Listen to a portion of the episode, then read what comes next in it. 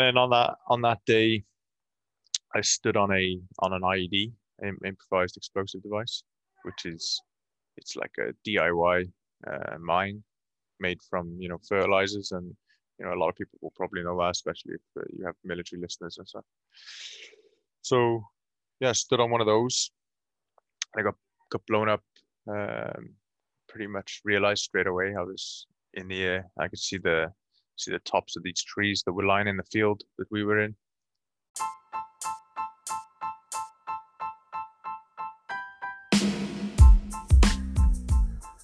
Velkommen til en ny episode, eller kall det en eh, bonusepisode.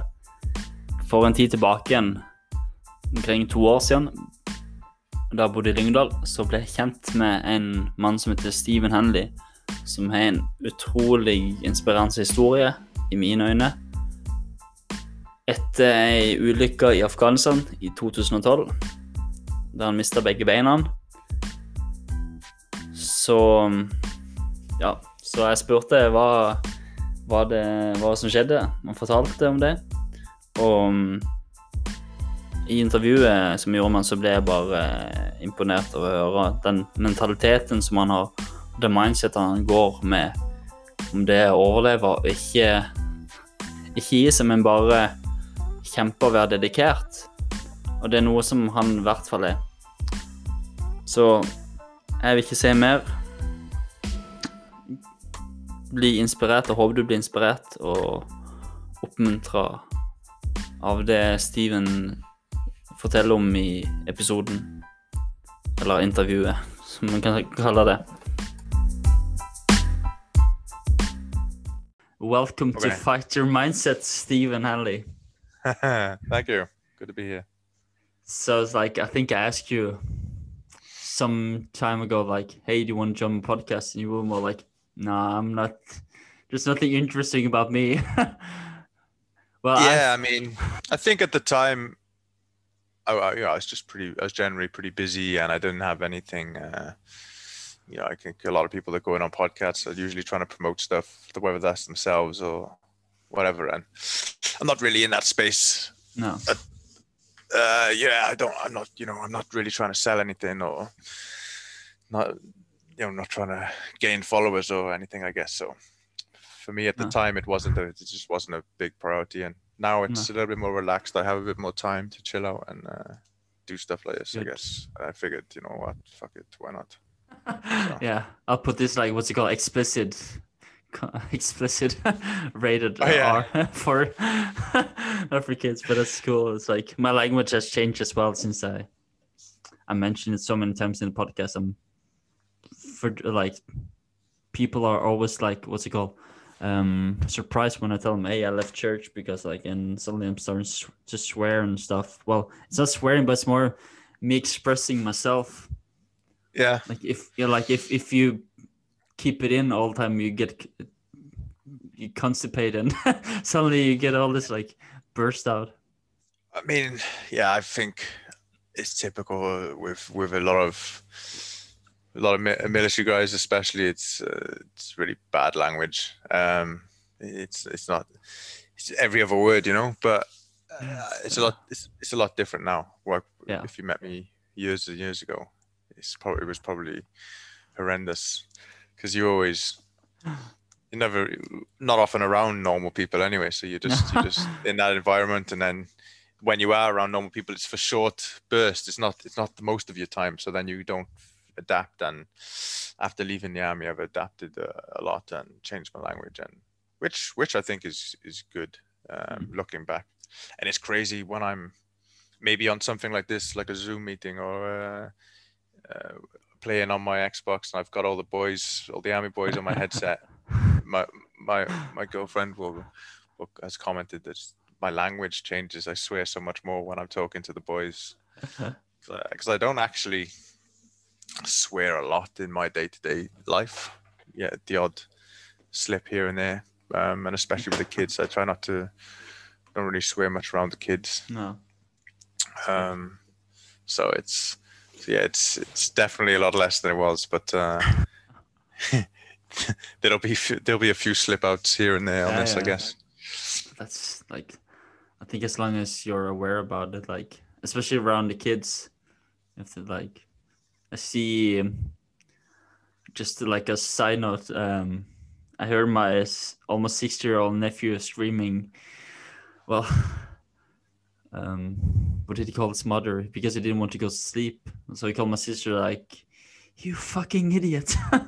Yeah. it's like almost six, and I'm like, yeah, But uh, we, I hear it like from mine. I mean, uh, and it's not from me because they're Norwegian. They're Norwegian swear words, you know. yeah, So they're like yeah, yeah, def- yeah. def- definitely not for me. So um, and and you know some of them are not really swear words, but they're kind of words that uh, probably there's some people around here think you sh- you know it's like Harry good or whatever.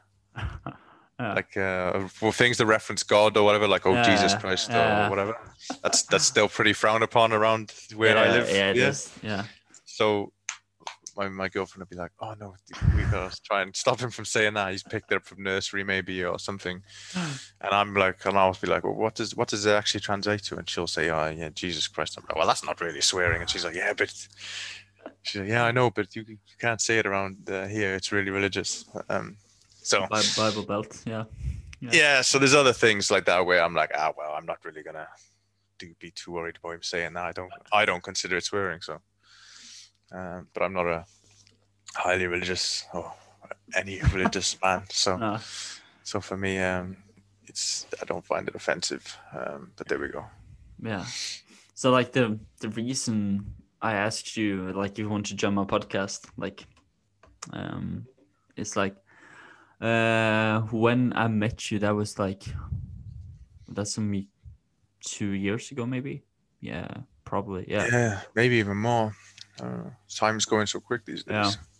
Yeah. Like back at your gym and I didn't know much about you then, but like then we sat down and we spoke and um your story from the army and uh, it was like man that's mine's like so um how do you feel about like talking could you Yeah, talk a bit, tell a bit about like your story like who are you you're from you're from wales Yeah. right cardiff I'm from I'm from Wales, Yeah. Cardiff. Uh, Cardiff is the capital city of Wales, and for a lot of people that probably won't know, Wales is a country in um, the United Kingdom in in Britain. Yep. It's its own country. It's not in England, which a lot of people uh, always say. Oh, I was oh, I'm from uh, Wales. They oh, in England. No. It's its own country. So yeah, just put that one out there so everyone learns a little bit. Um, so I'm from there, but of course I, I joined the I was part of the British British Army. I joined when I was 19, 18, going on 19. Spent a couple of years doing car mechanics and uh, a few other jobs. Um, and then inevitably I kind of was heading that way anyway. I joined the army and uh, yeah, I did a couple of tours of Afghanistan. I think in total I was in for six years, so not so long. Um, you know, I, I pretty much joined, did my training, got in. wasn't long before I was on my first tour uh, of Afghanistan, and then you know that went okay. I went originally as a as a sniper, attached to well, I was part of a rifle company, and then I I did a I did a, a course as a sniper. So, Hmm.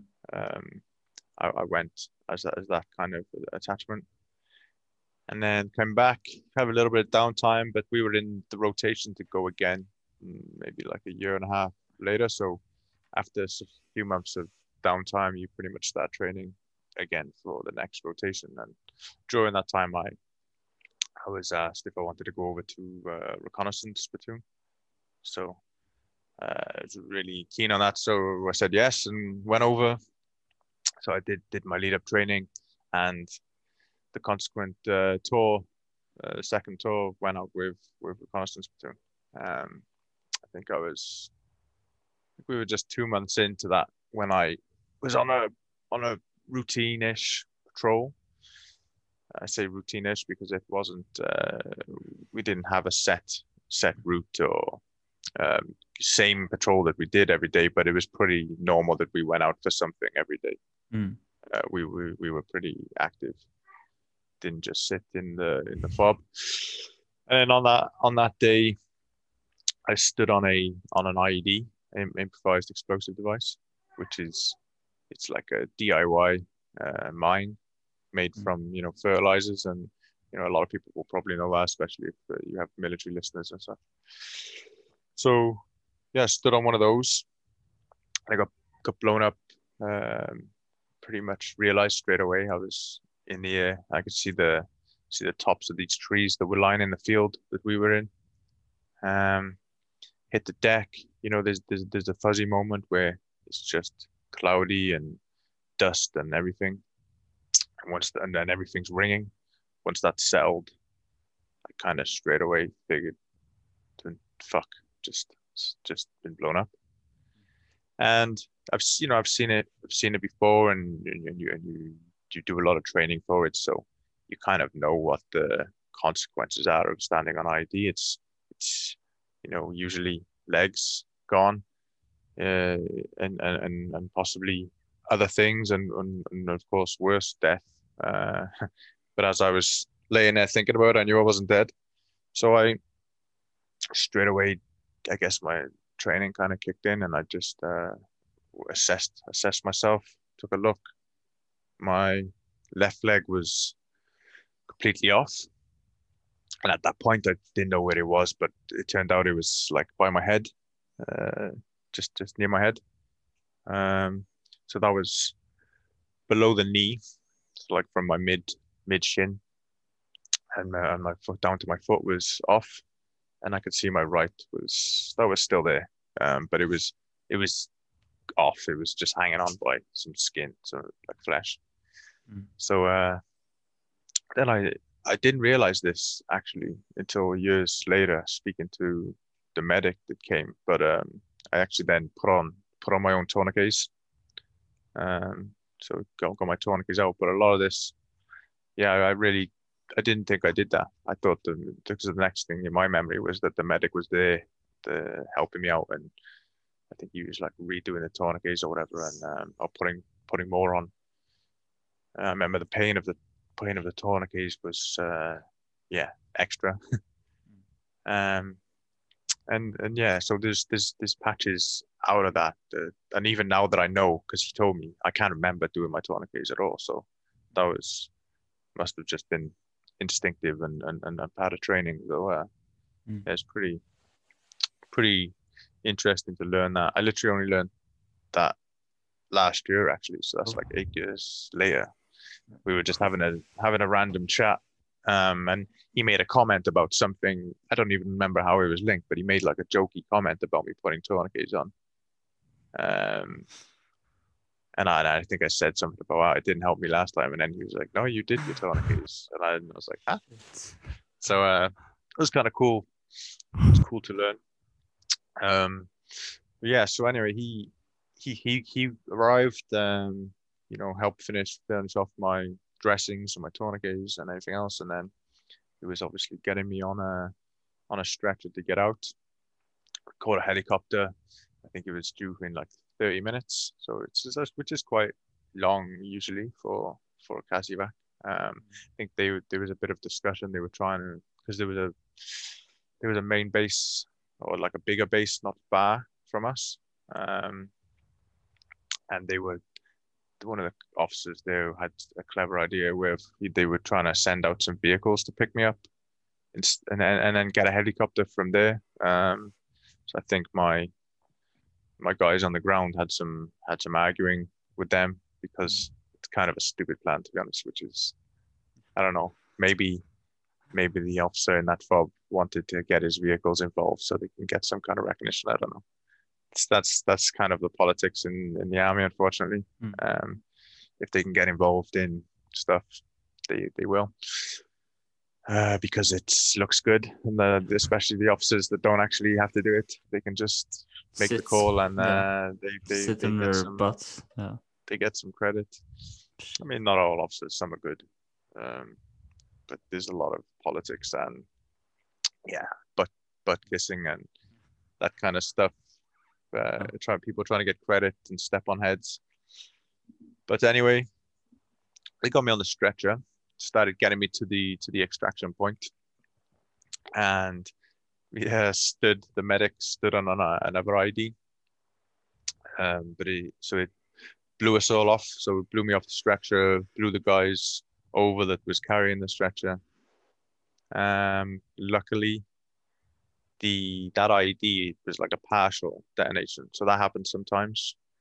Basically, it's it can be for a number of reasons. Either the ones that made it didn't made, didn't do a good job, they didn't do the mix properly, or maybe it's been in the ground uh, for for a long time and it's it's it's uh, become ineffective, or you know, you know, lots of lots of reasons. But if, for whatever reason, just the detonation rod. So you normally have a bucket or whatever container of all the explosive material, and then you have a detonation rod, which is a you know a, a professional military grade piece of Mm. explosive. Mm. Um, that's that's the initial ex- charge, the initial charge. So that usually is connected to your circuit, and, and that gets set off, and then that reacts and sets off the rest of the stuff. So I think just that may be part of the explosive material went off. So luckily the medic, you know, he still had bad injuries, but he, he didn't he didn't lose anything. But he had I think it was eight fractures from his from his ankle down to his foot. So that his foot was shattered. Um, but I you know I've spoken to him over the years, and you know he's made a decent recovery, and you know he's he's okay to just live live his life and everything now normally. So that's good. Of course, often when you even when you have these these these partial detonations um, that don't take someone's foot clean off, often down the line, maybe they have to have it removed anyway because it's it's been too damaged, you know. Mm. Um, so so that's that's quite a common thing. But but he was able to keep it, made a good recovery. So I, yeah, we got hit off the stretcher and uh, remember hitting the deck and I couldn't couldn't see anything. One of my my, my best mates, uh, I won't gonna say his name, but one of my best mates, he was on the stretcher carrying, and he was the platoon commander, not the platoon commander, section commander at the time on that patrol. So he was carrying the stretcher with me, and uh, yeah, he came he came on top of me, and uh, I, I thought I was blind, I couldn't see anything, but he you know he tipped tipped water on my eyes and wiped on my eyes, and it was just it was just mud and dust, I think, and, uh, oh, and whatever. And I asked him if I was, yeah, am I, am I, am I more messed up now? and he looked me up and down, and uh, he said, "Nah, you're just about the same messed up." So I was like, "Okay, cool. Now, let's get me out of here." So um, yeah, that was it. He got me back on the stretcher. Everyone collected themselves and uh, got me to the extraction. And you know, I remember I remember getting carried onto the onto the helicopter when it came. Um, I know there was like a female medic and a male medic, and uh, God knows however many people on the helicopter. I particularly remember their voices, um, and they cutting my clothes off and you know injecting me with stuff. I think you know like the I think I don't know, but I, I you know I've, I've- from what I've, other things I've read, I think they use like ketamine and stuff like um, yeah like really strong stuff for you under. And then I was kind of in and out of consciousness a little bit when I they flew me to the main base in Bastion or in Mm. Helmand, Camp Bastion. Mm.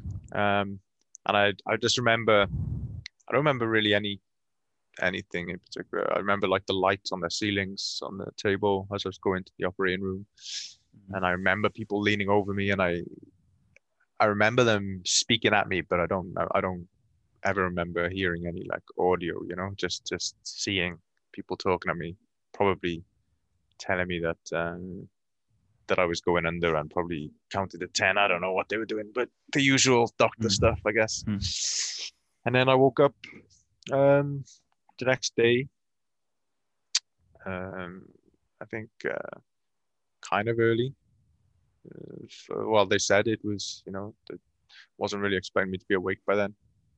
Um, because I, I woke up still in in Bastion, and it was really quiet. There wasn't a lot. There wasn't anyone there. I just remember there was like a cleaner cleaning around.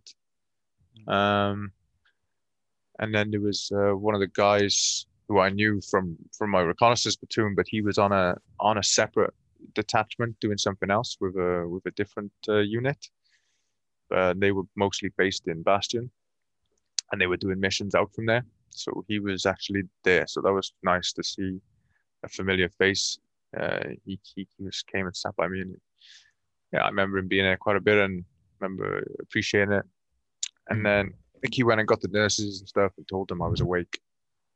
And they came, and of course they told me what happened, but I didn't have any memory loss, so I, I, I think that helped a lot with. In hindsight, I think dealing with stuff maybe. Um, you know, I, I think I didn't wake up with no memory and just having missing legs. I kind of Yeah. remembered everything, so I didn't have to piece things together, or you know, there wasn't that confusion. Of course, I was still a bit, you know, I guess in shock and disappointed and angry and everything else. Um, and the first thing then I want wanted a phone so I could phone my phone my mother and just let her know because I I knew that protocol is that they of course send someone out and they tell your parents or your next of kin, whoever's on your next of kin, Yeah. uh, slips. So I, I knew she would have had the news and been pretty worried because I think you know it's going to be pretty vague. It's going to be that that it, the son was in a IED blast and that he's been flown out, etc. Yeah. Um, so being a mother, she's probably thinking the worst. So figure that at least, yeah, get her on the phone and she can hear my voice. So and tell her that I'm alive. Yeah. Um. So that's what I did. I I, I called her, and um, in uh, yeah, I, I don't really remember much of the conversation. I just remember calling her and, and, and, and telling her that I was alive and probably made a joke or something. Um, that's usually what I do with most things. Um, so uh, yeah, and then I think luckily I think the flights from Bastion to the UK they went on like a Sunday and a Thursday or something. Or there was like two. I think there was like two days they went regularly, and uh, I got hit on a Saturday. So I don't know. I was there week on the Sunday, um, and then I was pretty much getting flown out. And so I remember being on the plane with someone that had pretty much the same injuries as me. He was an Estonian, an Estonian guy, and he went ended up meeting him a little bit and seeing him in um, in in the rehab place afterwards, um, Mm. which was which was interesting. Um, so yeah, they fly you to Birmingham, and then you start your put you under again because they've got to do more operations, clearing you out, and I don't know, patching everything up and trying to make the best of what you got left, so so you can get prosthetics and stuff like that. So so yeah, the next the next four weeks was just in hospital and uh, in and out for for operations and um, yeah, you know, you you got you you hooked up to wires like pipes are kind of sewn into your legs and they did draining, draining uh, infections and stuff. So you hooked up to this machine and got to kind of carry around with you. Um, no, uh, a lot of it is. I just wanted to be up and going as soon as possible. So, you know, I Mm. was wasn't just laying in bed. You know, I had a wheelchair and there was some other guys there that had been blown up that I knew from my regiment. So that was Mm. kind of okay. I had a couple of friends there already, which Yeah. is, yeah, well, maybe okay and not okay. yeah. Some familiar faces and my family. You know, the the, the military has like a good, relatively good welfare system, and they they have a they have like a big house nearby the hospital where they can bring their families and they can stay. Mm. So my family, nice. my, my my mum and stuff was there, and I think a couple of I don't know, maybe a few weekends or a few weeks later, I was they they gave me kind of I had like permission or whatever to to go out for the weekend, so I went over there and we had a barbecue and stuff, and uh, yeah, I don't know, it was it was it was kind of like I don't remember hospital being a really you know hard hard stay or Mm. whatever. I think I was just focused on on the next steps and doing what I needed to do. I remember I was really, um, you know, when I when I got hit, I was kind of a biggish guy. Like I trained a lot. Um, I was I was into my into my gym and and, and having muscles and all that young guy stuff. Um, and I remember being really concerned because I, I lost a lot of weight while I was in hospital. You know, your body's going through a lot, trying to deal with deal with fire and infections, and you know, Yeah. I think you're using your body's using a lot of energy, and of course, hospital food isn't isn't a lot. Um, so I was kind of on the nurses about giving me. They have these these little kind of meal replacement shakes, you know, that they give people. Yeah. So I was always trying to get get more, and kind of did got got my way, and you know, I think they they, you know, I used my charm, and uh, they were like bringing me bringing me bringing me these shakes all the time, and taking these shakes and uh, trying to trying to train in in the hospital, like just doing like dips and stuff from between the wheelchair and the bed and push-ups and whatever I could do. Um, tried to stay out the bed a lot, always in the wheelchair, round going around there like a little kind of TV room, so I'd be around just wheeling up and down, visiting people, the guys I knew, and Mm. just trying to be active, trying to do whatever I could do. Um, I remember trying to trying to sneak down to there's a found out there was like a gym there which they used for Huh? of course like physiotherapy and stuff. Oh. Um tried like sneaking down to the gym to train and uh, I had to tell had to tell them that I wanted to go out for a cigarette so I could go to the gym. Because they wouldn't let you go to the gym, but they'd let you go out for a cigarette. Ah. um I found Weird. interesting. Um, so I'd be telling them I was going out for a cigarette. I'd be trying to sneak into the gym just to get a bit of a pump on. But um, but no, I mean, yeah, it was four weeks, and after that four weeks, you, you you're then heading to your, or you know, for me it was four weeks. Many people people spend all different times in, in hospital. You know, I know guys that would come in and been in a coma for weeks. So I mean, I was lucky in that regard where again I I, didn't have to go into a coma and I could I could remember everything. So it wasn't like this big hazy thing for me, um, which I think helped helped a lot with a lot of things. Probably with uh, with with things like maybe like nightmares or flashbacks and all these different things. I haven't really suffered with because yeah, because I because I remember it and I was aware of the situation. It wasn't uh, there wasn't a lot of unknown stuff, Mm. I guess. Um, but I'm no I'm no expert on PTSD and mental health and all these different things, so I don't know. But uh, I don't think anyone is either. So, but um, I feel like it surely could could only have helped really. Um, so, but then yeah, then it's uh, then it was rehab. So so in the the British Army, they've got a, they had their own their own kind of rehab center. So all the all the all the injured soldiers go there. You're not so you're not mixed with um, like civilians and stuff. There were there were civilian workers like physios and stuff like that, like contractors, but not um, not civilian like injured people. So Mm. that's kind of okay as well. You mean and and it's pretty intensive in the way that you live there. So you live there for like four weeks at a time. So you go there for four weeks, and then you can have like maybe you have five six weeks at home, and then and then you go back for another four week stint. Um, Dang, yeah. so so it's intense. intense. Was- yeah so it's so it's good um you know i, I got there and I, I of course just wanted to get out of there as soon as possible so Yeah. I, I was i was there and um yeah just just wanted to work i was doing my doing my physio and things you have almost like a like a timetable like in school you know you you have uh all these appointments lined up.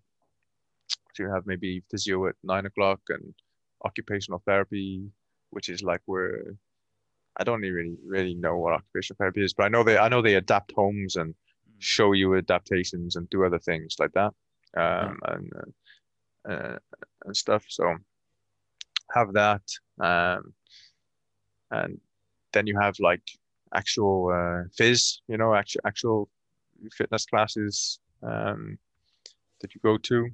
Um, I think they had some ones that were group, and then you had you had a you had a like a personal trainer. Um, although they they called something else, it's a bit more more specialized than a personal trainer.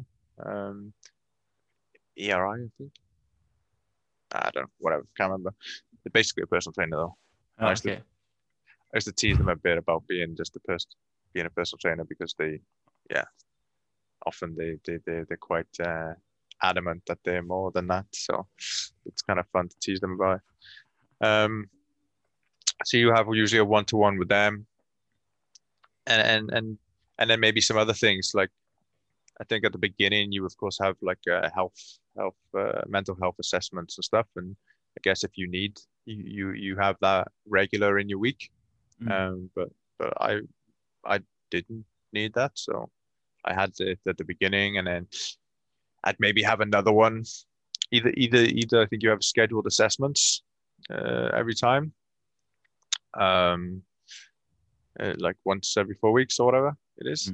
Um, and then I know sometimes that maybe if I if I got a bit angry or I'd shouted at some people in the rehab center, then maybe I'd be in for a mental health assessment the next the, the next week to talk about why I was shouting at people or something. Um, but you know, they usually went okay. And then you had, yeah, and you had like a social worker. So I think she she helped going through things like, um, you know, go going through your pension and your benefits and uh, all, all the all the different, you know, kind of human resource side of Mm. things, I guess. So you have there's a lot a lot of things going on.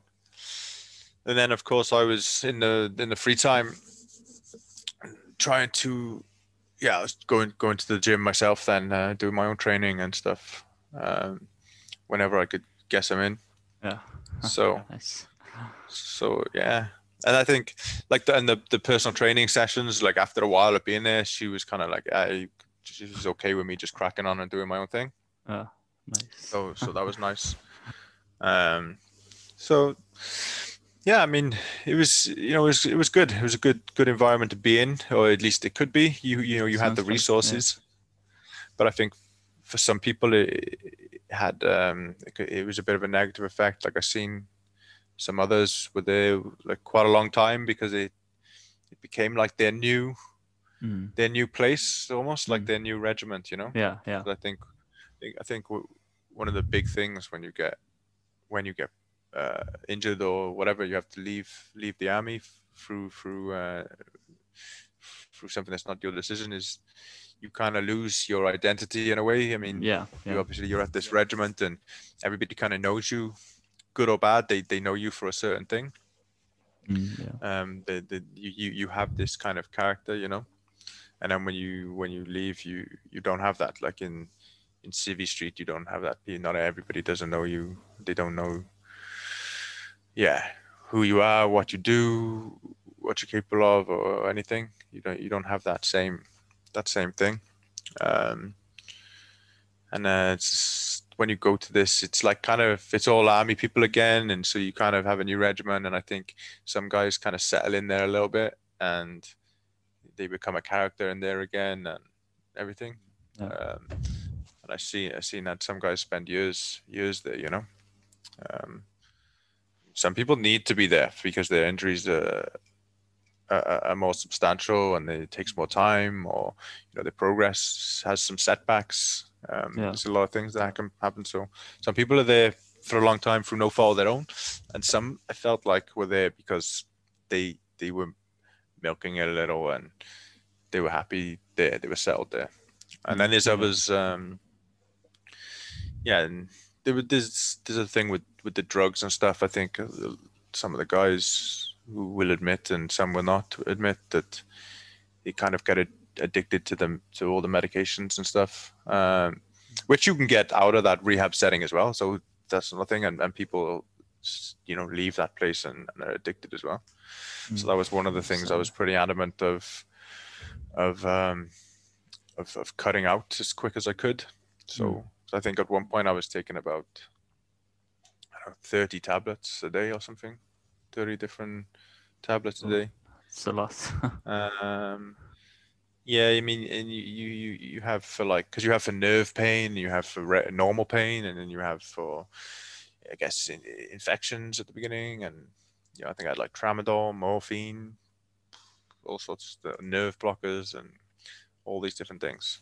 Um, yeah, and especially after after after some months uh, when I started feeling kind of better within myself, I was training, going to the gym, eat, eating better and anything, and and uh, you know I I had my protein shakes, and I was really back into that routine of of, of, of training, and I started feeling better. You know, like I, I felt good, and then I just felt I started noticing. Then I felt like the medication was making me more tired, more more more angry or snappy, and um, mm. drowsy, like like not having a good good energy feel with them.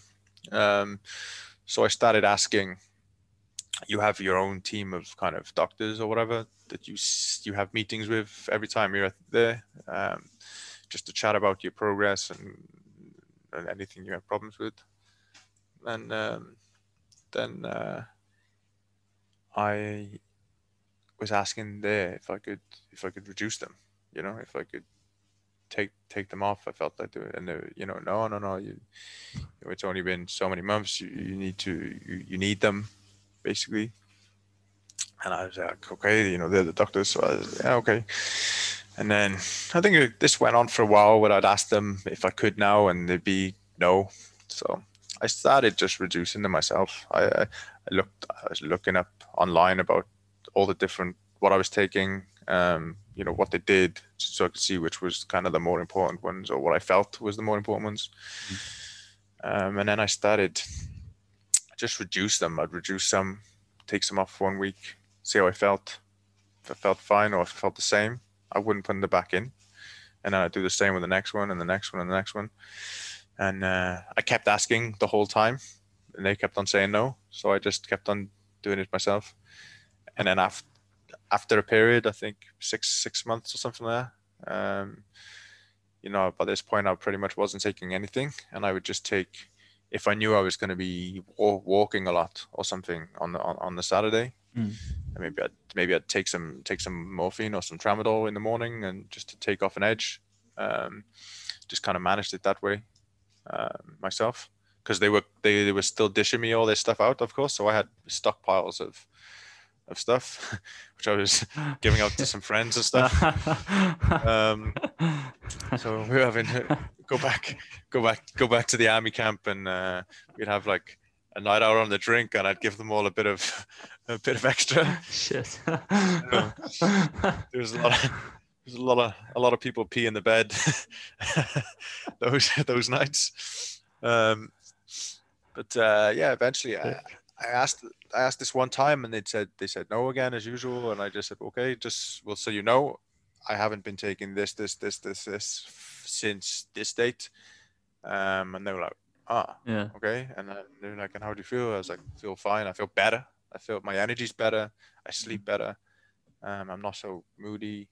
That's good. Everything else. and then then they were like, oh, okay, then maybe we can look at reducing this and reducing this and yeah, so it was interesting. I wonder, I wonder how long they would have they would have just kept me on it if I just kept taking it. Um, you know, I'm not I'm not saying medication isn't needed or doesn't work. I think it certainly does, especially in transition periods, and of course for certain conditions, it's mm. it's a necessary yeah, of course. thing. Yeah. Um, but you know, for for pain management and stuff like that, I've always you know even before that, I, I'd, I'd never took paracetamol or, you know, any tablets for headaches or anything like that. I, I was always relatively against stuff. If I, if I, if I had a headache, I always did, my immediate thing was never to grab a pill. It was always to wonder why I have a headache. Am I drinking enough water? Have I eaten enough? Have I been sleeping? You know, there's always that was my immediate go-to. So um, if I I would always I would always look at that first, um, and then I ne- and I never had prolonged serious headaches that I that I then needed to take tablets after fixing all that stuff. So um, I don't know. I, have always been a little bit wary of wary of those. I mean, painkillers for the most part are generally just masking a problem, right? They're just covering a problem. You're not fixing anything. Mm, yeah. Um, it's like an easy solution, or like yeah, for some. I think so. Yeah. Uh, yeah. I mean, and I've like I don't get me wrong. I know some guys who, you know, are living in a lot of pain and there's no amount of they can't drink some water or whatever to fix that. It's it's it's it's real pain. Yeah. Um, and and, and, they need that medication just to to live uh, a normal life Yeah, Uh, yeah, that's that's of course another thing. function.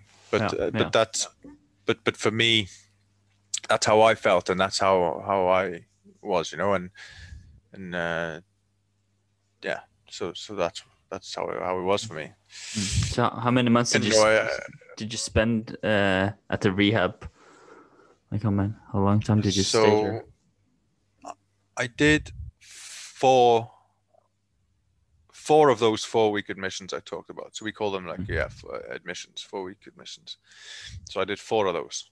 Um, so I think in total it was kind of like a year because as I said, you do like four weeks and then Yeah. you you go home for like five weeks, so then you're Yeah, back. okay, So it's yeah.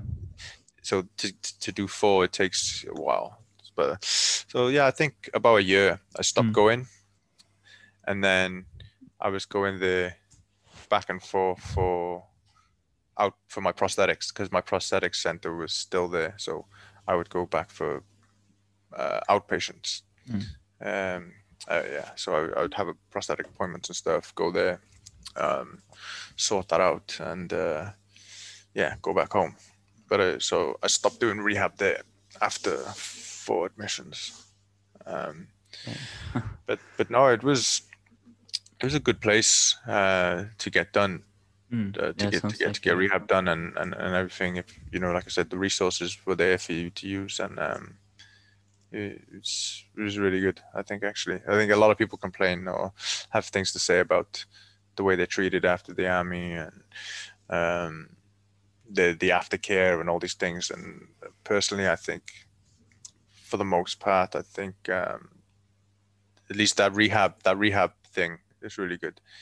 I mean, I can see I can see how people get a bit disgruntled because you know they they do kind of drop. Like as soon as I was injured I got assigned to the rehab and then my unit didn't really they didn't really contact me or bother bother with me much after that. It was pretty much someone else's problem now you know?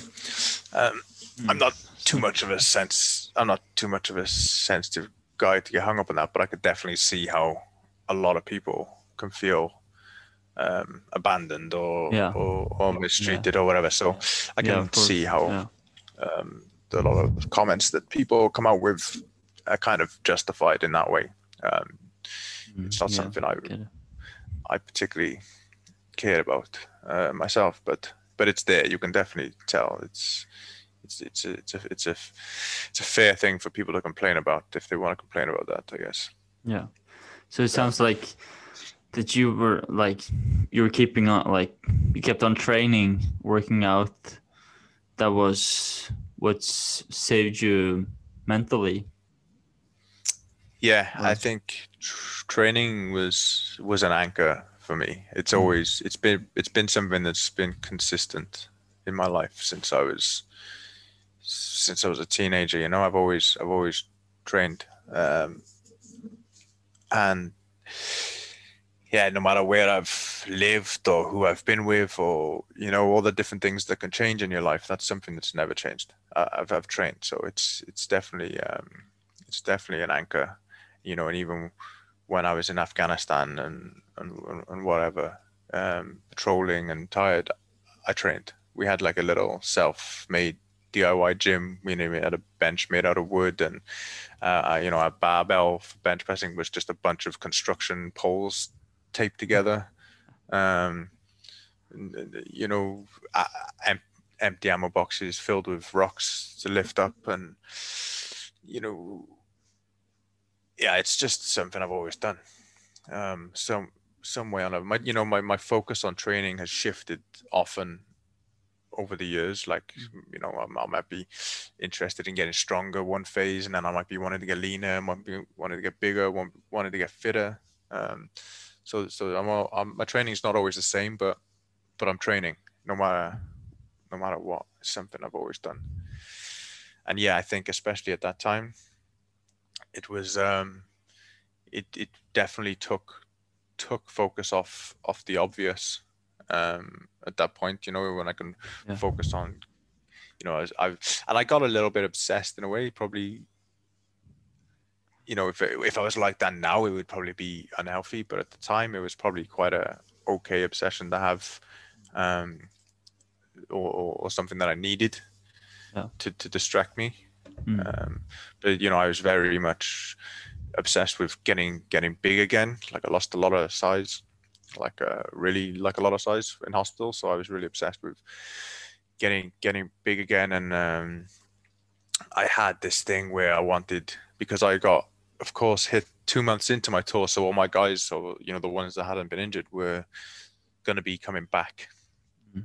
six months later, or you know, five five months later they were going to be coming back and i had this thing that i wanted i wanted them to come back and see me the way they they remembered me before so by the time they got back i wanted to you know have mu- pack on some muscle again and be up be up on my legs be walking so I, could, you know possibly running you know i want i wanted that because um I, I remember my, my first tour one of our guys he got he got injured young young lad and uh, I went to visit him afterwards in hospital, hospital with a few of the other, other guys. And uh, the biggest thing that hit me the most was um, when I when I met him in hospital. It wasn't like the physical injury. He just, you know, he lost both of his legs and he had some. He had uh, like miss like lost eyesight in one eye and a lot of eyesight in his other eye. So he was the hardest thing when I visited him. You saw the legs and all that, and that was no problem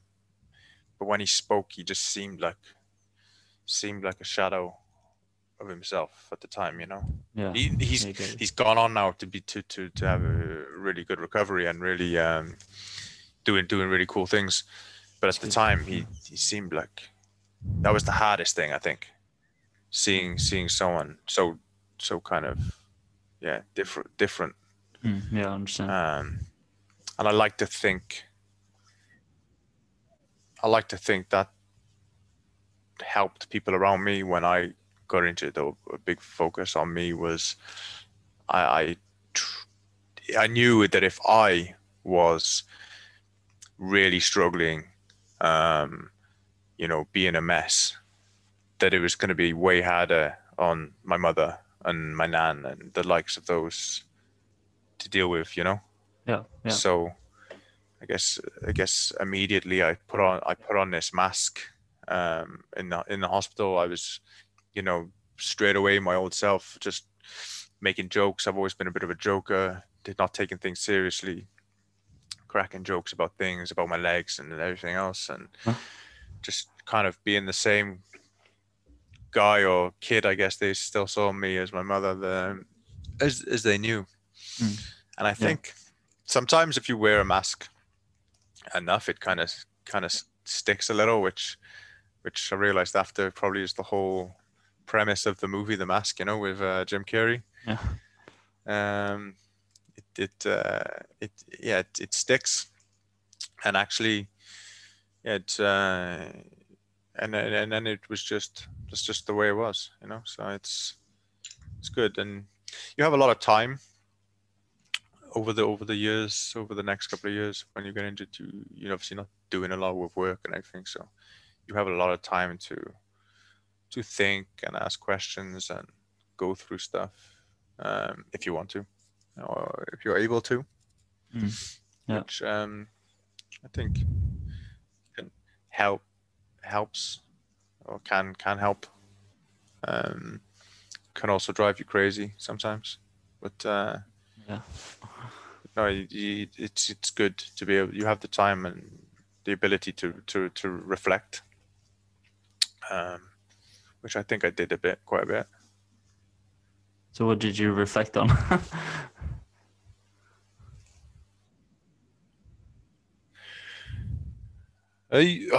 everything. I mean, the list is honestly endless. Like uh, all sorts of things. You have to you have to reevaluate. You know, things that you find or that you found important. You know, like I was I was a young guy.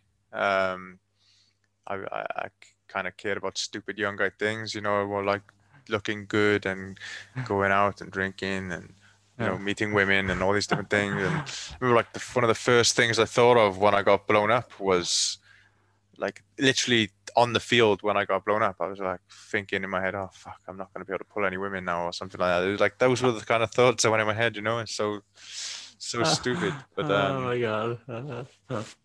but um but um but no and I, and and, and even even the the gym thing you know how i said i got obs- i got quite uh, obsessed with the gym.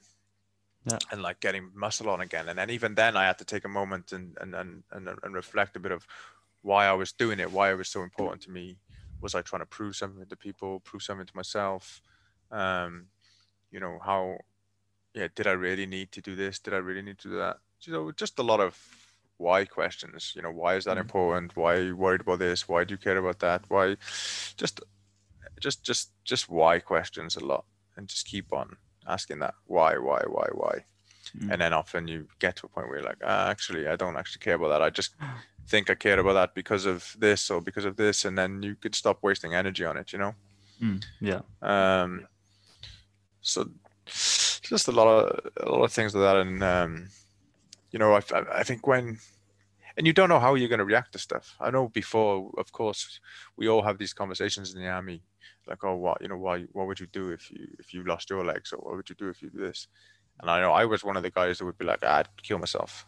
Like I was like I, I was such a physical guy. I couldn't imagine losing my legs or something. I thought that would be like you know that'd be a big kryptonite to me so i just yeah i, I just assumed that uh, i wouldn't be able to manage that because i was so physical. And actually it was i think big part of the reason i was able to manage it was because i'm physical. Yeah. um so it's it's funny the way the way you think maybe you would be or react. Um and then when shit happens y- you know you it's not like you you don't you don't make a choice. I didn't sit there and be like okay am i going to react well to this or not? Like you just do what you do um and then especially immediately i think maybe down the line you can start taking a little bit more control and deciding how you're going to react to stuff. Mm. like i went through a bit of a phase i think you know once i was up on my legs and you know getting back into the mix again uh, I was going out drinking with the boys and um, you know living being home a lot more. I went through a little phase where i was getting into quite a quite a few fights and stuff like that in in town Hmm. um getting into getting into trouble um and i think i you know i think i got i got arrested a couple of times over over over a couple of months i think i got pepper sprayed like It's, like two months in a row or something. And then obviously I had to start thinking, okay, what, are, where's this coming from? You know, why am I, why am I doing this? Mm. Um, and you know, I think I, I, I came down to the fact that I think, uh, I think I, I had a chip on my shoulder that, that I felt like I probably, I still had to prove that I was a man and um, that I could still handle myself. And Mm. uh, of course I had a, I had a little bit of a reputation in the regiment of being you know a handy a handy guy um so I probably proving stuff to them and to myself and uh, i think i think i was if i was being honest with myself that's what it was you know i was i was trying to trying to prove that i was yeah still handy and everything else it didn't yeah it, it didn't didn't change me that much and everything else. And then of course i had to tell myself you know, it's stupid if you if you yeah okay maybe you've had a bit- you've had a bit of fun now you've you've maybe proved it. And and and, and, and why does it matter anyway? And um it's a stupid thing to be focusing on and if you keep going down this route you're probably gonna you know actually end up in prison or something because Mhm. it's only going to be so many times where they keep letting you letting you go or, or letting you letting you off you know Yeah.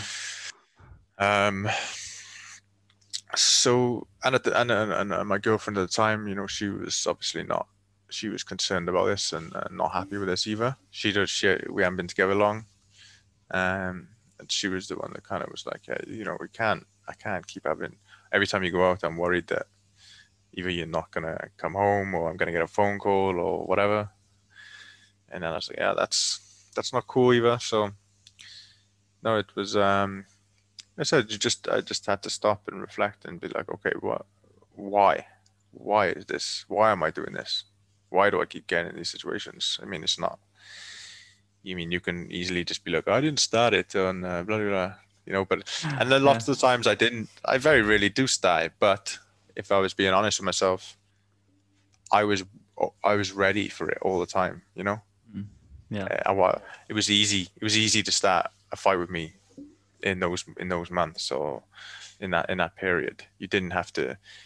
There's always someone looking for a fight in town, you know. Yeah. And and if, uh, and and and if you if if if you're not looking for a tight fight, they don't find you half the time. But if you're also looking for a fight or happy to take a fight, then Yeah. it's so so I was. You know, the, especially in the first times, I was kind of like, "Oh, I didn't start it," blah blah blah. And then when I actually you know had a conversation with myself and was like yeah of course you're not starting it but you're not really walking away from it either and you're not uh yeah you know you you are you you're enjoying it and you're wanting it um uh, so it was it was a it was a little bit of a bad patch there and um and then just stopped and that was it Mm. um so yeah, i think i mean i will always have that in me a little bit where I could get in trouble with stuff like that because that's what I was like before my injury as well. But uh, you know, I've got into fights sometimes and anything else. Um, always just been that kind of guy, I guess. Got a big mouth. You know, if I see something I don't like, I'll say it, and uh, not not really afraid of confrontation, which isn't very good for not fighting. So. Um, it's a bad but- habit. yeah, but I mean, but, but but it was still it was still a rare thing. Like I didn't, it wasn't like every week or every time I went out or you know it was you know just now and then maybe, Mm, um, yeah. and nothing too bad. And and and, and it generally usually was more of a defensive thing. But that period, I I knew deep down that I was wanting it and. Uh, Mm. and some questions needed to be asked. So we went through it and reflected on it, and uh, then just stopped Hmm. uh, being a dick. yeah. But uh, quite interesting like to what yeah that's what's quite interesting about you like just like how you i remember when you told me when we sat down when i visited you at the gym you told me like i asked you like how did it happen? Like it's it's always some it could be like a difficult time. Sometimes it could be like i don't want to like ask. Yeah i can see you don't have you you're missing two legs so that's like better to ask like instead of think you know it and sometimes Mm. it's like it's i think you but uh, then you mentioned like i think you told me it was it was your birthday at that point the day you went yeah, it was close. No, it was Yeah. close to my birthday. Okay, yeah, it yeah. was, um, and you told something about like one of your you you swap you had swapped Oh, yeah. you swapped the yeah. Like, so one of the other guys, yeah my my birthday was the next month Mm. the, after I got blown up in May, and my birthday was in June. And one of the guys he had his you get like two weeks off um during during your deployment to go home. And he had his on like on my birthday. So we swapped we swapped dates so i could go home for my birthday. And uh, i ended up yeah getting hit. So he went he went on he went on leave and i stayed and yeah yeah and he he was normally in the in the role that i was in that I, when i got hit as well so like doing the we did the same same job, you know. Um, so yeah, it was uh, it was a bad choice. Yeah. like what like what what was the Well, I was home for my birthday.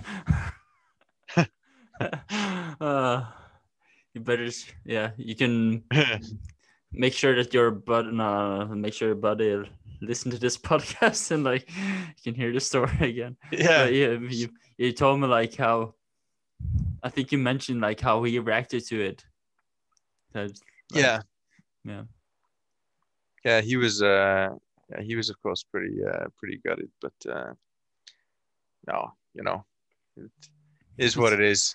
Yeah. It's uh, I almost like again. I almost I almost forgot about that detail until you brought it up now. Actually, Sorry. so much then. yeah. No, it's not a bad Uh, thing. It's, but were, it's yeah, just- yeah, it's such a. It feels like such a such a lifetime ago now. I'm Mm. almost I, I and I lose details, so it's kind of good to talk Mm. about sometimes actually because it brings back things and and I I find out things I I didn't even know. Like I said with the medic and stuff. yeah, Uh, you revisit and talk with different people and yeah. um, yeah, it's uh, I think it's, im- good sometimes because- yeah, important for staying sane at least. And yeah, I think yeah. so. And um, you know, it was obviously a it's a monumental part of my life or moment in my life now. So it's you know, it's Mm. probably okay to to remember some shit.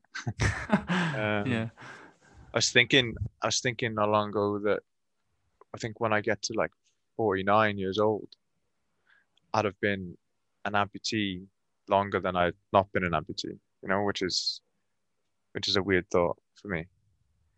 Like I would have I would have not had legs longer than I had legs in my life. Mm. yeah, Which I don't know I don't really know the significance of that, but I just it just stumbled across my head one time and I was like, ah, that's weird. Because for now, of course, it's like I've, I've always had legs and then now I don't have legs. But at that point, it'll be like I've mostly not had legs. So I don't know. S- And already I feel it's almost, you know, I don't, it's almost like I don't really remember what it's like to have legs or it feels like a different lifetime. Hmm. Um, been like eight, nine years now. Hmm. Wait, 20, yeah. So Yeah. I was up pretty quick on my legs, you know. I, Mm. I remember um, I was walking six weeks after I got blown up. That's and I like was on my prosthetics. dang. So it's like So. like you when you like when you're in we probably touch you probably talked about it but like when you're in like that situation how like how do you work it out like mentally and like the mindset you have like f- honestly i don't know. Like i could i could make up some bullshit stuff and uh to make um write a book about how to be resilient and uh, like a lot of people do. And just make up some things that i generally do. Um but it all be lies.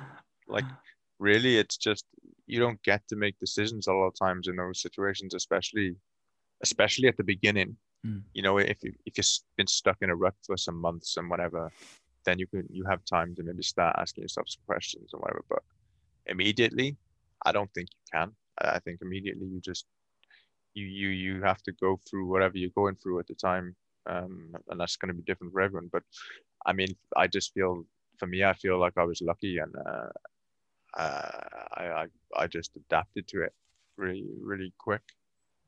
Um and i was able i don't know i, I maybe you know i had the mindset before i got injured i didn't even i just, of course never really knew it um but i remember when i was in hospital i was asking them like the surgeons and of course they talk because they're talking about you know what what the plan is for you and everything else and of course prosthetics and i asked i remember asking what the you know what, what the time scale was of course like most people probably do with most injuries and they were saying you know it can be anything from you know this time to this time uh, you know it's a little bit individual. And and i said okay well what's the fastest? What's the fastest you've seen someone with my kind of injuries you know be up be up and walking? And he said uh, six weeks. And i said okay well then i'll I'm, i'll be doing it in five weeks. I said i'll be up in five weeks. Um, but i was i was up in six as well. So i was like the joint fastest that he had seen. But that's because by the time I got to rehab, then you have to make the legs, and I didn't get my legs until the sixth week. So I got my legs, and then I put them on, and I walked then. Um, and I, I remember I put them on, and uh, the first time in the prosthetics, and you get like these really big, chunky legs, like the first ones. They're, your legs are kind of swollen, um, and they make them out this like kind of plastic. It's kind of crappy looking legs, and you get these big, big things and uh, they put you, of course, in, in between these walking bars. So, Mm.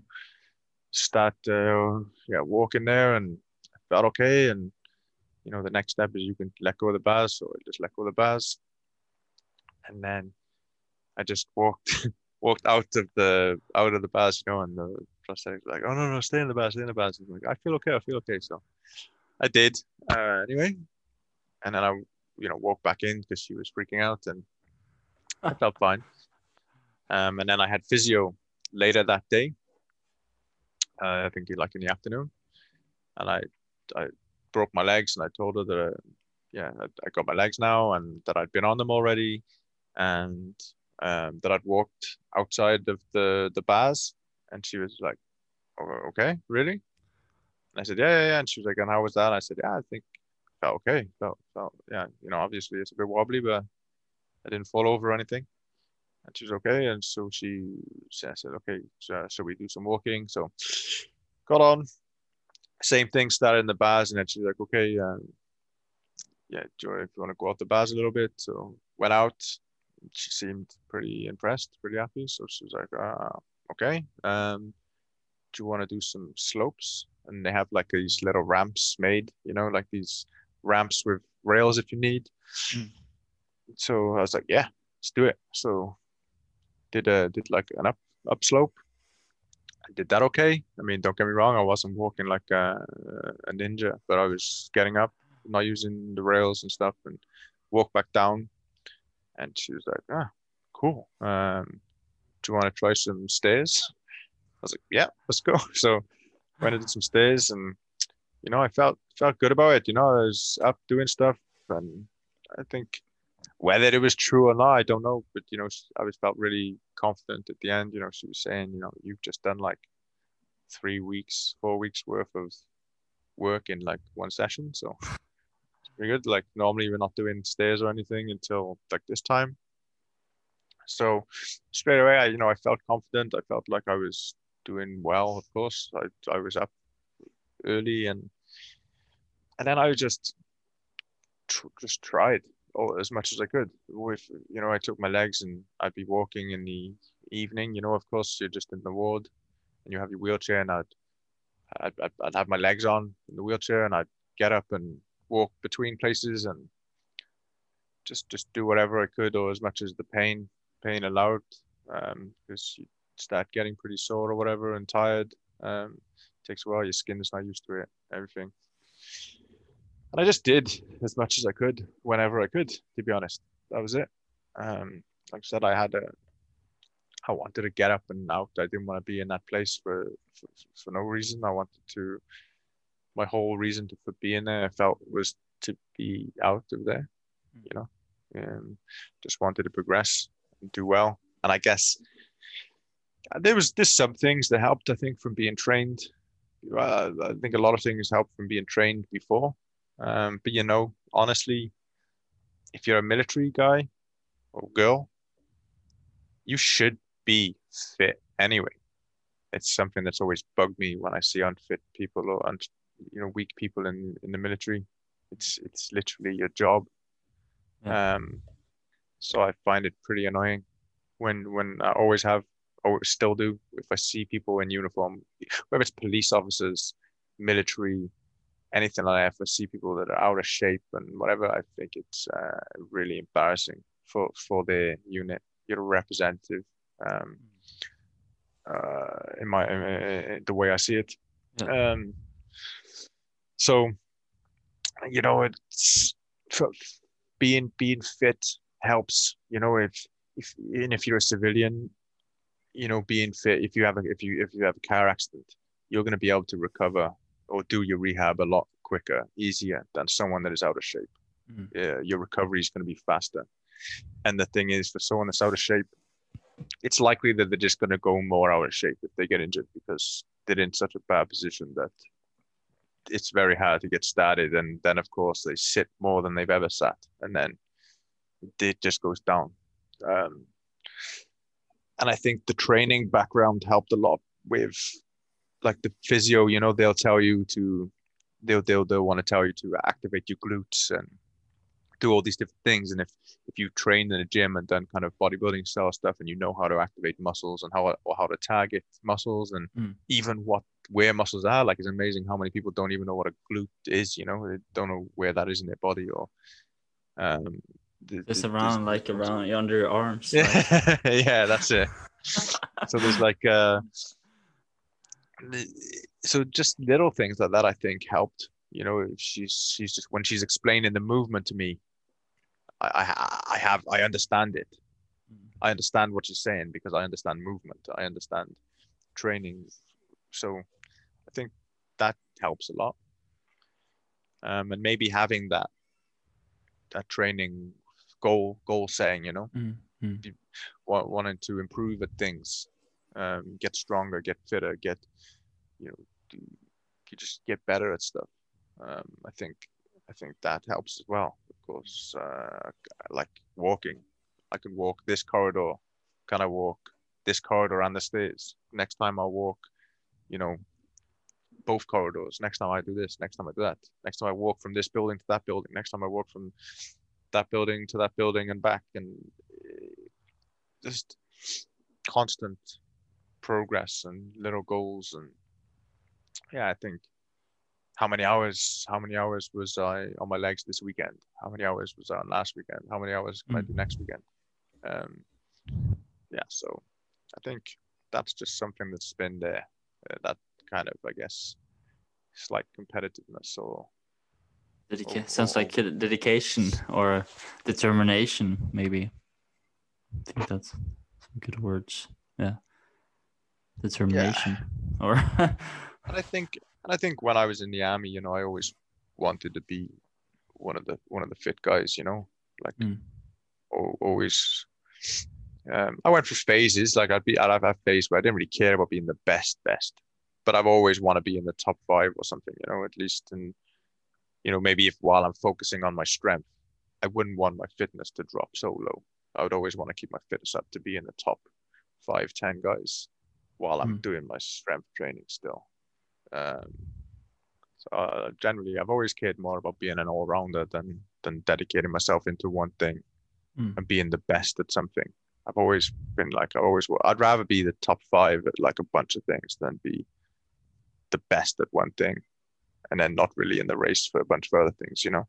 Mm, yeah. Um, so I think, and that's that's not necessarily the best way. I think sometimes I wish I cared more about just one thing and had had one like uh, passion and one goal. You know, I think sometimes that really helps people have a purpose and a drive. You know, I know I know a lot of people that just their life is this one thing. You know, um, and, and and it seems to work for them they they don't need anything else they have that thing and and and, it, it drives them and yeah it's uh i think it's i think it's admirable and uh, good it's just not me never has been Hmm. i think i get get bored bored quick or yeah i've always i've always been that way it's just and same with my own training you know like i think if if i was just cared about being the biggest guy i'd be really big by now you know like I would have just done that for fif- 15 years, you know. Yeah. But it, I, I've always been like, okay, I'll I'll be getting, I want to get bigger. I'll start getting bigger, and I'll be like, "Oh, I want to be a bit leaner. I'll get leaner. I want to be fitter, get fitter.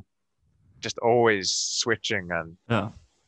not focusing on one thing. Um, Yeah, I don't I don't think there's know- like a perfect recipe for that. or like No. but it's uh, but uh, but you know, I, but I think a big part of it is I I enjoy programming. I enjoy I enjoy doing my. I'd always pretty much do uh, my own programs, training programs.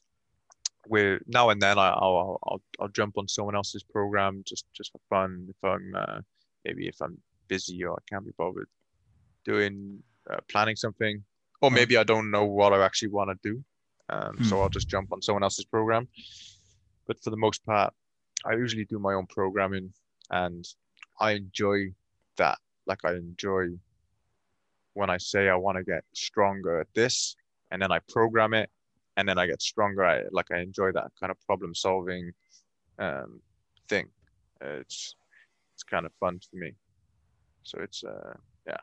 So that's also why I think uh, like when I've done things before with um I've you know I've done some powerlifting uh like the Paralympic uh, powerlifting, which is it's just bench press.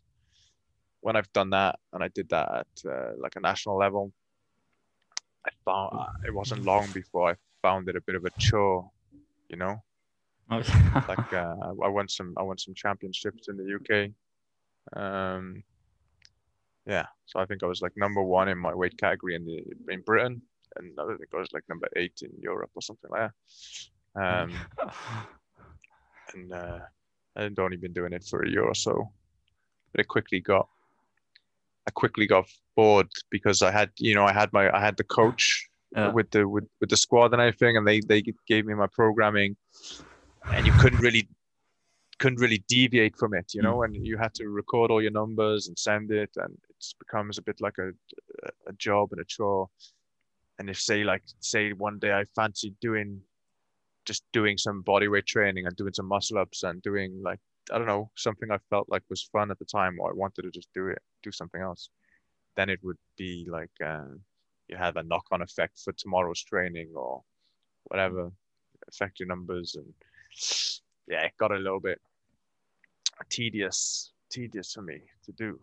Um it was yeah it becomes like a job you know Mm. for me. Too too rigid. Can't just do what you want to do and train how you feel like you want to train which is i guess i've always wanted to do like sometimes i might go for a run sometimes i hike sometimes i lift weights sometimes i'll do some cardio. Um it's different stuff. Sometimes i do body weight training sometimes i do heavy training. Um so yeah it was it, it something i know i couldn't have stuck to definitely. Um I think no, I think it'd be cool to, of course, to do like Paralympics and stuff like that. But the actual event that you'd be doing in would be something that I personally wouldn't have really been that into. So it's uh, it's a trade-off, and that's again something that I had to sit down and and, and, and ask questions about why I was actually doing it. And Mm. same with like a lot of Paralympic stuff. I was doing some sprinting and stuff before as well. And then I think when um, when I actually sat down and was asking why I was doing it, and it's mainly because you know people around is always like, oh, you should do the Paralympics, and it'd be cool to do the Paralympics, and it would be cool to do the Paralympics, but you can't just do the Paralympics. It's all the stuff that goes with it and leads up to it, and do I care enough to do it, to do all that? Um, and especially over the last years, I've really enjoyed. I do a lot of traveling. Of course, not now with the COVID, but usually I do quite a lot of traveling over the year. And if you're doing something like that, you can't you can't just go and travel and have a drink and do whatever you want to do. It's- No. It doesn't work like that. You have a lot of Yeah. commitment, commitments. Yeah, it's so that kind of lifestyle. I think it, yeah, it just wasn't wasn't really what I wanted to do. Mm. Um, so then, so so so I so I dropped it. Mm. But um, yeah, So like um so what are like well like what are your current goals now and I know you have the Nordic Power Zone gym in Lyngdal. Like um, have you thought about like what you're gonna what do what do you want to do like besides that and like work towards what kind of goals and well, I was hoping to do so. I, I think not last year, but the year before, I did um, climbed uh, Mont Blanc, which is the highest uh, mountain in continental Europe. It's in France. It's Yeah. like four thousand eight hundred. I think.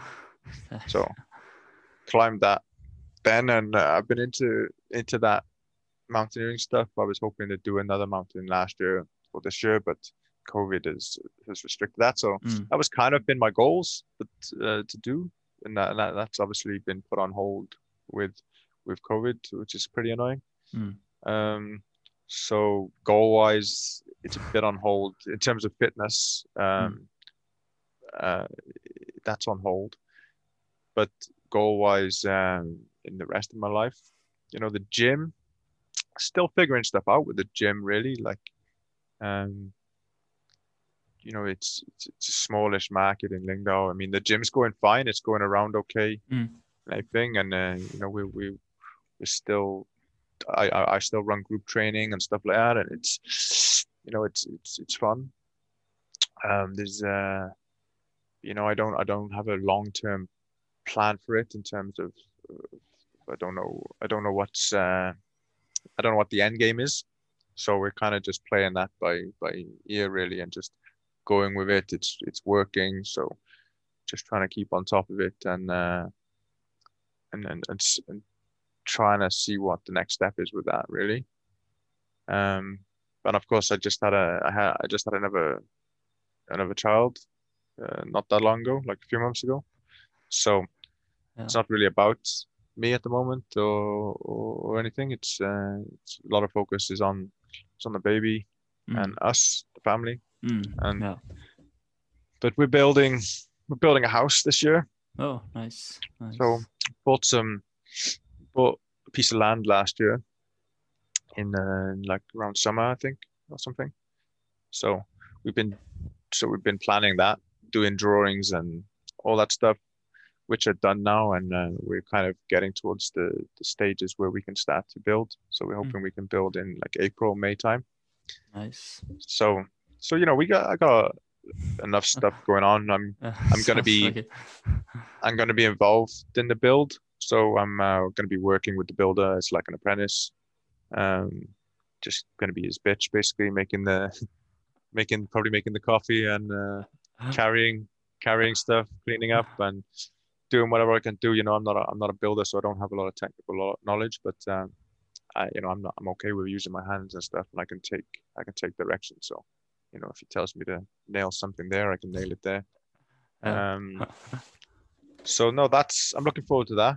That's that's going to be cool. It's it's going to be nice to have our own place. You know, the house we live in now. It's I bought this before I moved here. Actually, I never even saw this house when I Mm. when we bought it. She was here and she did the viewings, and uh, uh, we um, you know, it's it's a pretty old house, so it needs quite a lot of work, and we've we've we were very close to, to to renovating this place because we didn't find we've been looking for other houses and other things to move into and we couldn't didn't find anything so we were almost we drew up and we were very close to actually starting renovating this when this land came out for sale Mm. so it was a very uh, very fortunate uh, in a way that Mm. it, it came just in time um so so yeah it's it's, it's going to be a busy year with a new baby and building a house and everything so Mm. so yeah i guess i don't know if they're goals but they're things that are happening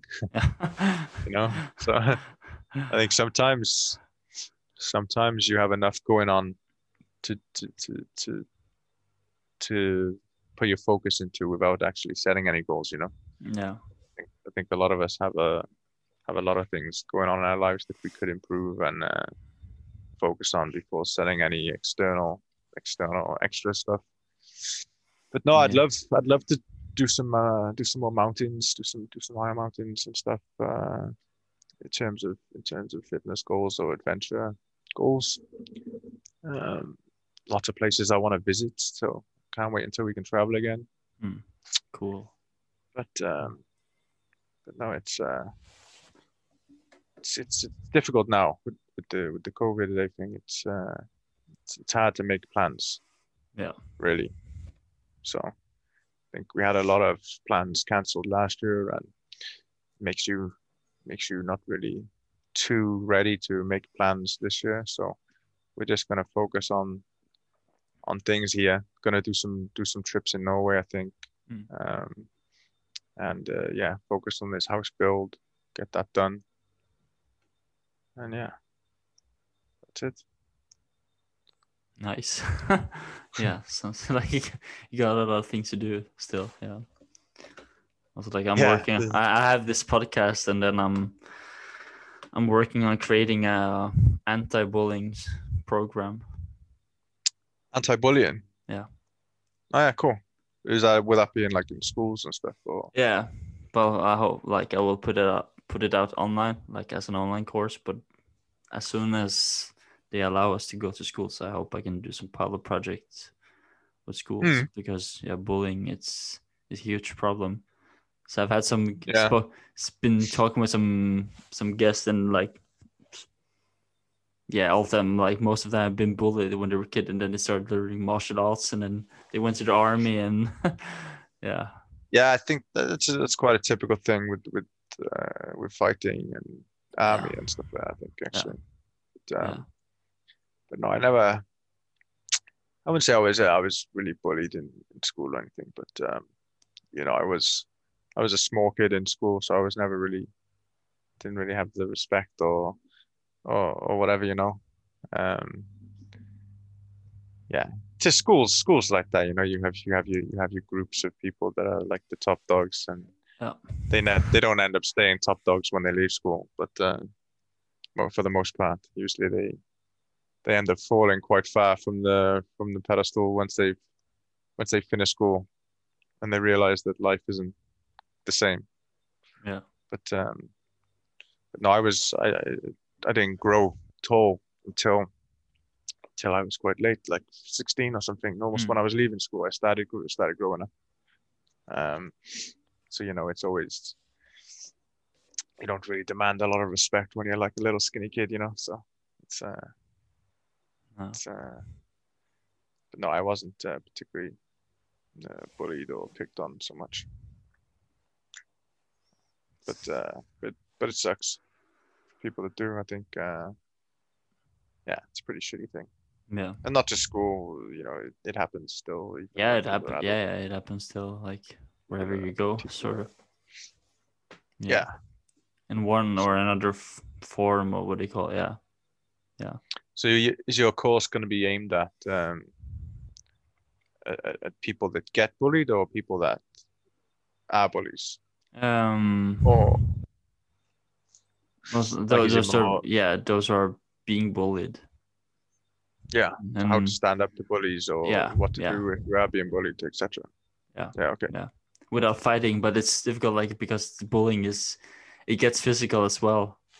A lot of it is like it's Yeah, it does. online. Uh, yeah, Especially like youngsters. The youngsters are so they don't youngsters don't have don't understand consequences yet usually, so they they're quite ready to throw fists and do stuff. And yeah, you know, like now, I'm so aware of what can happen when if you if you punch someone and they hit the head on the pavement, they, you know, you all of a sudden you can be in trouble for manslaughter or whatever, yeah, you know. yeah, yeah, Whereas you don't, it's not something you think of as a kid. Um, same, you know, same with their own bodies when they're jumping off stuff and doing stuff, jumping into water that they don't know what's underneath and all these things, you know. It, y- y- like Yeah. my little three-year-old, just he's fearless, you know. He's he has no reason to have fear because nothing really that bad has happened to him yet. So he needs, he almost needs, he needs to hurt himself. Um, as Yeah. he jumps the things he jumps off and the heights he is willing to jump off. It's insane. Like he like four times the height of him, he'll climb up, he'll be like, I'm gonna jump off here and I'll have to be like, No no no, wait for me. And uh, I have to like run and be there be there to catch him because he's no fear at all. It's crazy. Um, and uh, yeah, he needs he needs to break a leg or something. So- in order to learn. So- Yeah. yeah, I think I was. We had this like shelves at home, and we were like climbing up them. Like they could. You didn't have this like. Nowadays, you get them like child-proof, and you can. You have to. Mm. Like bolt them to the wall and bolt them to the wall, but like back in the nineties. No. I, I found I found some old picture of pictures of me and me and my sister. My like our parents, they had this like fence in the garden, so they like they put us in there, the fence, and they could only open it from the outside. that was like we were playing there. So uh, nowadays you wouldn't do it because you don't think about kidnapping or stuff. no, you didn't do it at that time. it's, um, it's like no, it's um, it's when I look back at the things, I'm surprised I didn't. This when I got blown up, that was like the first serious injury I've ever had. Never broke a bone in my body, um, and still, I still since I haven't broke a bone, and I arguably still do stupid shit. You know, I still do snowboarding and stuff with prosthetic legs on. And it's like pretty stupid, really. Um, but it's it's it's crazy to think the stuff I did do. It could have been horribly wrong. I remember our school when I was in uh, in in just in primary school. We used to go there after school, and they had like um you know like skylights Mm. so inside they had like these plastic skylights that were kind of like a like a dome you know they, Yeah. they curved and we used to climb up to the roof and we used to bounce along these skylights like it was like super mario yeah? We used to like think it was like a we were like super mario and we used to Uh. bounce because they used to flex they used to flex a little and we used to like spring on them. They were just like these they were like this kind of crappy plastic you know? And there was like uh these were high ceilings in the school. If we if they broke we were straight they were that was broke. Something was broken if you didn't cut yourself along the plastic on the way down as well it's crazy. And we used to jump off the off the roof of the the cooking hall. And I remember it being so high like, that we used to leave like dents in the grass like with our footprints you know because Yeah. it was so high. We used to land and we were kids so we weren't heavy. But it was so high that when we landed we would like we used to see you could leave like the deepest footprints and stuff. It was um yeah crazy.